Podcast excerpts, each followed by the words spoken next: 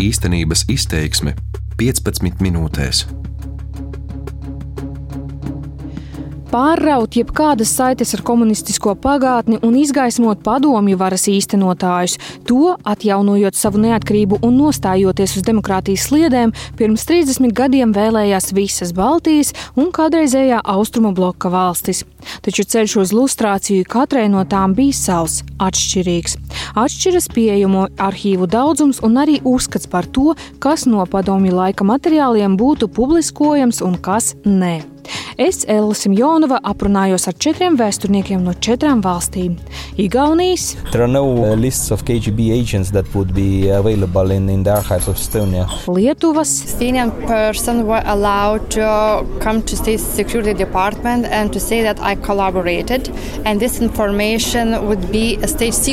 Polijas. What, what can be the secret in documents from, from the communist period after 30 years? Un Bulgārijas. You know, even for myself I checked because I was. Um, Are I, you? No, no, I'm not. Kā šajās valstīs rīkojās ar komunistu atstātajiem arhīviem un kāda bijusi sabiedrības reakcija? Par to stāstīšu šīs dienas raidījumā īstenības izteiksme. Hi, my name is Ivo Jurve. I'm uh, head of the Security and Resilience program. Ar sevi Latvijas rādio klausītājus iepazīstina Igaunijas vēsturnieks Startautiskā aizsardzības un drošības centra eksperts Ivo Jurve. Mēs ar Ivo jau esam tikušies agrāk, taču šoreiz runājam par to, kā mūsu neatkarību atguvušās valstis rīkojās ar VDK atstāto dokumentu un cilvēku resursu mantojumu. The three Baltic states are in different position on that, that what kind of materials are Ivo stāsta, trīs Baltijas valstis atstāto arhīvu ziņā ir atšķirīgās pozīcijās. Igaunijā gandrīz visi materiāli ir pieejami pētniekiem, taču uh, so uh, in, in mums nav tādu sensitīvu datu kā jums Latvijā. Igaunijas arhīvos nepastāv VDK aģentu saraksti. Mums ir maz operatīvo lietu pēc 1960. gada. Aģentu saraksti tagad visticamāk ir Krievijas federālajā drošības dienestā, bijušajā Uljānovskā, kas tagad ir Cārskojas selo. Jautāju, kā tad Igaunija izgāja lustrācijas procesu? Yes, did, example, there... Un izrādās, Igaunijā VDK darbiniekus un ziņotājus palīdzēja noteikt citi citi dokumenti, piemēram, komunistiskās partijas materiāli vai arī drošības komitejas izmeklēšanas lietas. Lustrāciju ļāva veikt likums, kuru pieņēma 1995. gadā. Mans sarunu biedrs uzsmaidot saka, likuma nosaukums varētu būt garākais Igaunijā. To viņš nolasa no iepriekš sagatavotajiem pierakstiem. Check, because, well, uh, among... Likuma nosaukums ir sarežģīts, bet tā būtība ir vienkārša.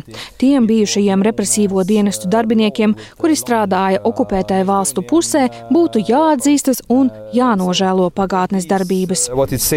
Short, that, uh, Likums min valstis, kas okupēja Igauniju, nacistisko Vāciju un Padomju Savienību. Lai arī kādā to slepenajā dienestā cilvēks nedarbotos, nav svarīgi, militārajā vai nē. Tāpat nav starpības, vai persona strādāja VDK vai arī sadarbojās, proti bija virsnieks vai aģents. Kopš likuma pieņemšanas brīža 1995. gadā viņiem visiem bija jādodas uz iekšējo drošības dienestu un jāatzīst šī sadarbība.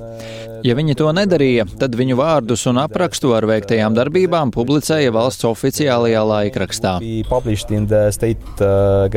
Sadarbību ar VDK neatkarīgajā Igaunijā atzina daudzi, aptuveni viens tūkstotis iedzīvotāju, taču daudz izlēma šo faktu noslēpt. Tad lūk, valsts oficiālajā izdevumā publicēja 640 uzvārdus. Uh, uh... Taču problēma ir tajā, ka atklāja tikai tikai VDK darbinieku vārdus. Aģenti lielākoties palikuši sabiedrībai neatklāti, un tas izrādījās drošības risks arī mūsdienās. Kāds? Vēsturnieks Jūrvē atsaucas uz lielāko atklāto spiegu skandālu Igaunijā. Pirms 11 gadiem apcietināja augsta ranga Igaunijas aizsardzības ministrijas amatpersonu Hermanu Simu. Viņa vainu pierādīja un viņu notiesāja. Starp citu, nu pat decembrī 72 gadus veco valsts nodevēju arī izlaida no cietuma. Kāds Hermanam Sīmam sakars ar VDK? Vistiešākais, saka pētnieks. Was, uh, SVR, Viņu savervēja SVR, Krievijas ārējās izlūkošanas dienests, jo Sims sadarbojās ar BDK 80. gados, par ko nebija atzinies Igaunijas iekšējiem drošības dienestam.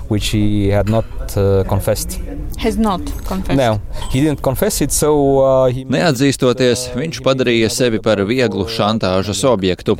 Pēc būtības Krievijas spēcdienests viņam piedraudēja: ja mēs šo informāciju padarīsim publiski zināmu, tad tu zaudēsi savu darbu, pensiju un visu, kas tev ir. Tā kā tas, ka viņš neatzinās 90. gados, kad bija dota šāda iespēja, bija viņa nopietna kļūda. Ja lustrācijas procesu Igaunija rīkotu šobrīd, saka vēsturnieks, visticamāk to īstenotu pārdomātāk, taču arī atskatoties pagātnē, tā nebija paveikta slikti, jo daudzi tomēr atzinās un sniedza vērtīgu informāciju mūsdienu drošības dienestam. Līdzīgu lustrācijas ceļu gāja arī mūsu dienvidu kaimiņi, lietuvieši. Arī viņi izvēlējās to pašu principu - atzīsties un tev tiks piedots, vai vismaz netiksi publiski sodīts. so, Lietuvas genocīda un pretošanās pētījumu centra vēsturniece Kristina Burinskaite izceļ būtiskāko lustrācijas likumu Lietuvā. Uh, uh, to pieņēma 1999. gadā. Arī tas uzlika par pienākumu visiem padomjus pēcdienestu darbiniekiem un atbalstītājiem pusgada laikā reģistrēties valsts drošības departamentā departamentā un rakstiski atzīties sadarbībā, kā arī sniegt visu slepeno informāciju, dokumentus un objektus, kas bija viņu rīcībā. Ja to darīja, šo cilvēku nodarījums kļuva par valsts noslēpumu, un nekādas sankcijas pret viņu nevērsa. Sots par neatzīšanos, vārda publicēšana oficiālajā valsts avīzē un liegums strādāt valsts darbā, skolās, bankās un dažās citās iestādēs. Līdz atļautā termiņa beigām 2000. gada vidū brīvprātīgi reģistrējās pusotras tūkstotis iedzīvotāju. Divi tik liels ir to cilvēku skaits, kas nolēma šo faktu noslēpt, un viņu vārds parādījās valsts avīzē. Now, uh, uh, uh, Lietuvas vēsturniece Kristina Burinskaite saka, drīz plašāka sabiedrība varēs iepazīties arī ar citiem VDK dokumentiem, ko centrs grasās izvietot internetā un interese par šīm vēstures liecībām Lietuvā saglabājas nemainīgi augsta. Sabiedrība ir ļoti ieinteresēta. Dažreiz tā ir personiska interese. Piemēram, dažās vēstulēs cilvēki raksta, ka kādam liedza ceļot uz ārzemēm, kādam nav bijusi veiksmīga karjera. Un cilvēki jautā, vai tas nebija kāda VDK aģenta dēļ, piemēram, kāds kolēģis vai kaimiņš, ko pastāstīja drošības komitejai. Tātad ir personiska interese uzzināt, ko VDK zināja par cilvēku, vai viņu izsakoja. Citi savukārt grib noskaidrot patiesību, panākt taisnīgumu, jo šobrīd juridiskais novērtējums attiecas uz VDK kā institūciju. Nav izvērtēta katra personīgā atbildība. So Interese no iedzīvotāju puses ir liela. Jā, savukārt plašsaziņas līdzekļi nav tik ļoti ieinteresēti VDK darbībās, bet vairāk koncentrē uzmanību uz kādiem skaļākiem vārdiem vai īpašiem aģentiem, neizvērtējot, ko viņi darīja un vai viņu darbība ir nodarījusi kādu kaitējumu. Daudzi informācijas pieprasījumi Lietuvas genocīdu un pretošanās pētījumu centrā nāk no ārzemēm, tāpēc daļu arhīvu gatavojas izvietot arī angļu valodā. Liela interese par komunistiskā perioda drošības dienestu arhīviem ir Polijā. So, first of all, could you please present yourself, name, surname, and how? What's your mm -hmm. title? Uh, am... Rafals Leškevičs ir Polijas Tautas piemiņas institūta prezidenta pilnvarotais pārstāvis. Tieši šī iestāde ir Polijas lustrācijas procesa centrā. Institūts glabā, izpēta totalitāro režīmu dokumentus un arī nodrošina piekļuvi tiem visiem, kas vien to vēlas. Well, generally... Atvērt arhīvus Polijā sākā ap 2000. gadu, būtībā tad, kad izveidoja Tautas piemiņas institūtu. Taču padziļināti arhīvus sāka vērt vaļā ap 2006. un 2007. gadu. Tad pieņēma normatīvos aktus saistībā ar lustrācijas procesu Polijā. Un to mēs darām līdz pat šim brīdim. Uh, all archives were when, when we started to collect archives in Poland. Kad mēs sākām vākt arhīvus, visi bijušos pēcdienestu arhīvi bija noslepenoti ar augstāko slepenības atzīmi, un tad mēs sākām tos atklāt. Dažus dokumentus mēs publiskojām tikai 2018. gadā. Mūsu institūtā bija īpaša izlūkdienestu arhīvu dokumentu grupa ar virsnieku vārdiem, slepenu aģentu lietas, dažas operatīvās lietas. 2016. gadā mūsu parlaments izlēma, ka līdz 18. gada beigām ir jānodrošina piekļuve gandrīz visiem šiem dokumentiem. For, for gandrīz visiem, jo ir kādas simts slepenas lietas, ko nedrīkst atklāt. Piemēram, par valsts strateģiskiem objektiem vai arī operatīvajām lietām, kurām ir saistība ar mūsdienu izlūkdienestu aktivitātēm. Mūsu arhīvos ir vairāk nekā 94 km dokumentu. Un vēl daži skaitļi, kas raksturo poļu sabiedrības pieprasījumu pēc šiem dokumentiem. Ik gadu institūts saņem aptuveni 100 tūkstošus pieprasījumu un ļauj iepazīties ar vienu miljonu arhīva dokumentu. Žurnālistiem un zinātniekiem piekļuvu nodrošina pēc pamatota pieprasījuma. Pārējie pavisam brīvi var saņemt materiālus, piemēram, par bijušajiem drošības dienestu darbiniekiem. To, uh, just... Jebkurš var pieprasīt bijušo virsnieku lietas, jebkurš no polijas vai ārzemēm, bez jebkāda pamatojuma, vienkārši pasakot, ka viņš grib to zināt. Jebkurš var atnākt uz mūsu arhīvu un pateikt, es vēlos redzēt dokumentus par kungu ar tādu uzvārdu. Un mums ir jānodrošina dokumentu kopija. Of, uh, mums ir arī jāatklāj visas lietas par publiskām personām. Proti, mēs publicējam mūsu mājaslapā informāciju par dokumentiem, kas attiecas piemēram uz polijas prezidentu, parlamentu locekļiem, citiem politiķiem un nopietnu iestāžu vadītājiem. Taču mēs sniedzam arī dokumentu kopijas, un vēl mēs atklājam dokumentus gadījumā, ja ir pabeigts lustrācijas process. Runājot par to, cik daudz dokumentu ir saglabājušies no komunista laika arhīviem, poļu vēsturnieks Rafals Leškevičs saka, 89. un 90. gadā lielākā daļa dokumentu, aptuveni 90%, ir iznīcināta vai arī aizvesta uz Krieviju. Archive, archive had, uh, with, uh, Pirms dažiem gadiem Polijai izdevās vienoties ar Krievijas Federālās drošības dienestu un apmainīties ar daļu no Otrā pasaules kara dokumentiem bet tikai ar tiem. Viņi negribēja ar mums runāt ne par kādiem citiem dokumentiem. Mēs varam tikai iedomāties, ka viņiem Krievijā ir daudz krājumu, bet mēs nevaram tos paņemt. Jūs Latvijā esat sliktākā situācijā. Latvijā, Lietuvā, Grūzijā, Ukrainā ir pieejamas tikai dažas lietas, piemēram, no izmeklētājiem. Un tas ir vienīgais informācijas avots par VDK darbību. Lielākoties dokumentu un pierādījumi ir Krievijā. And, and Ar Polijas Tautas piemiņas institūta vēsturnieku Rafalu Leškeviču apspriežam arhīvu pieejamību sabiedrībai un lustrācijas procesa atšķirību starp dažādām valstīm, kas tā vai citādi atradās Padomju Savienības pakļautībā. Radikāli atšķirīgu izpratni par šiem jautājumiem izrāda Ukraina. Ukraine, still, uh, covered, uh... Ukrainā visi šie dokumenti ir joprojām slepeni. Es ilgus gadus sadarbojos ar Ukrainas partneriem un atceros diskusiju NATO organizētajā konferencē 2009. gadā. Es toreiz biju uzaicināts kā eksperts un stāstīju par deklasifikācijas procesu Polijā. Un atceros, man teica, mēs nevaram Ukrainā atklāt dokumentus pat no 20. un 30. gadiem, jo šie dokumenti attiecas uz bijušajiem bijušajiem virsniekiem un ziņotājiem. Mums tas jāpatur noslēpumā. You know, uh, funny, ago, uh, discussion... Tas bija jocīgi, taču vēl pirms trim gadiem, kad es biju diskusijā Kijevā, Ukrainas izlūkdienestu vadītājs teica, mēs nekad neatklāsim mūsu arhīvus no komunismu laikiem. Es teicu, bet kāpēc? Tas ir normāli, ka zinātniekiem būtu šāda piekļuve. Šajos arhīvos nav nekā īpaša. Es to nevarēju saprast, un joprojām šie arhīvi ir slepeni. Ukrainā ir tautas pieviņas institūts, bet tam nedēļa arhīvus. Tagad viņi sāk arhīvu atvēršanas procesu, bet es domāju, ka šajā politiskajā situācijā tas neies viegli, un šis process aizņems ilgus gadus. Taču arī pašā Polijā pieņemt savu komunistisko pagātni un nožēlot to nav gatavi daudz iedzīvotāji, saka Rafals Laškevičs. Yes, countries... Jautāju, kāpēc mums, Austrumēropas valstīm, vajadzētu iziet arhīvu publiskošanas procesu? Yes, of course. So why? Why? why? Say, yeah? Es domāju, problēma ir tāda, ka mūsu sabiedrībā ir daudz cilvēki, kas vai nu paši, vai ar viņu ģimenes locekļi ir bijuši nozīmīgi komunismu periodā. Piemēram, Polijā ir daudz tiesneši, žurnālisti, kur vecāki vai arī viņi paši ir bijuši sadarbības aģenti, virsnieki. Tagad viņi cenšas radīt tēlu, neaiztieciet dokumentus no tiem laikiem.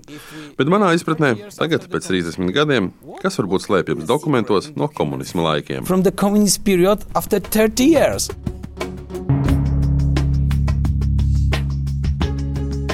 No. Exactly. Okay, I will just okay. move yeah. a little bit closer to you. Ja man liktu brīvā formā raksturot ceturtās izvēlētās valsts Bulgārijas attieksmi pret bijušajiem komunistiskā režīma kalpiem, tad es teiktu, nu un. Visi visu zina un viss turpinās. Um, well, my name is Nadia Vujadžieva and uh, Par lustrācijas procesu savā valstī lūdzu pastāstīt Bulgārijas Zinātņu akadēmijas profesori starptautiskajās attiecībās Nadju Bojadžievu.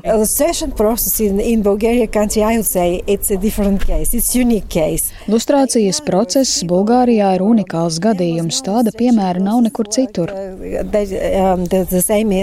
Līdzība ar citām valstīm vērojama vien tajā, ka arī Bulgārijā izveidoja īpašu komisiju, kas izmeklēja saglabātos dokumentus dokumentus un pārbaudīja pilsoņu sadarbību ar bijušajām drošības struktūrām.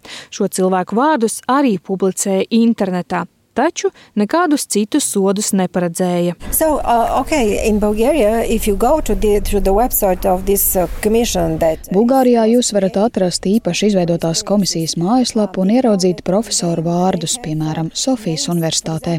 Gandrīz visas universitātes Bulgārijā savulaik bija aģentu pilnas un kalpoja slepeno dienestu labā, un tas arī viss. Nekas ar šiem cilvēkiem nenotika. Tāpēc es ticu, ka Bulgārija ir unikāla šajā ziņā. Cilvēki turpina strādāt kā profesori un asociētie profesori.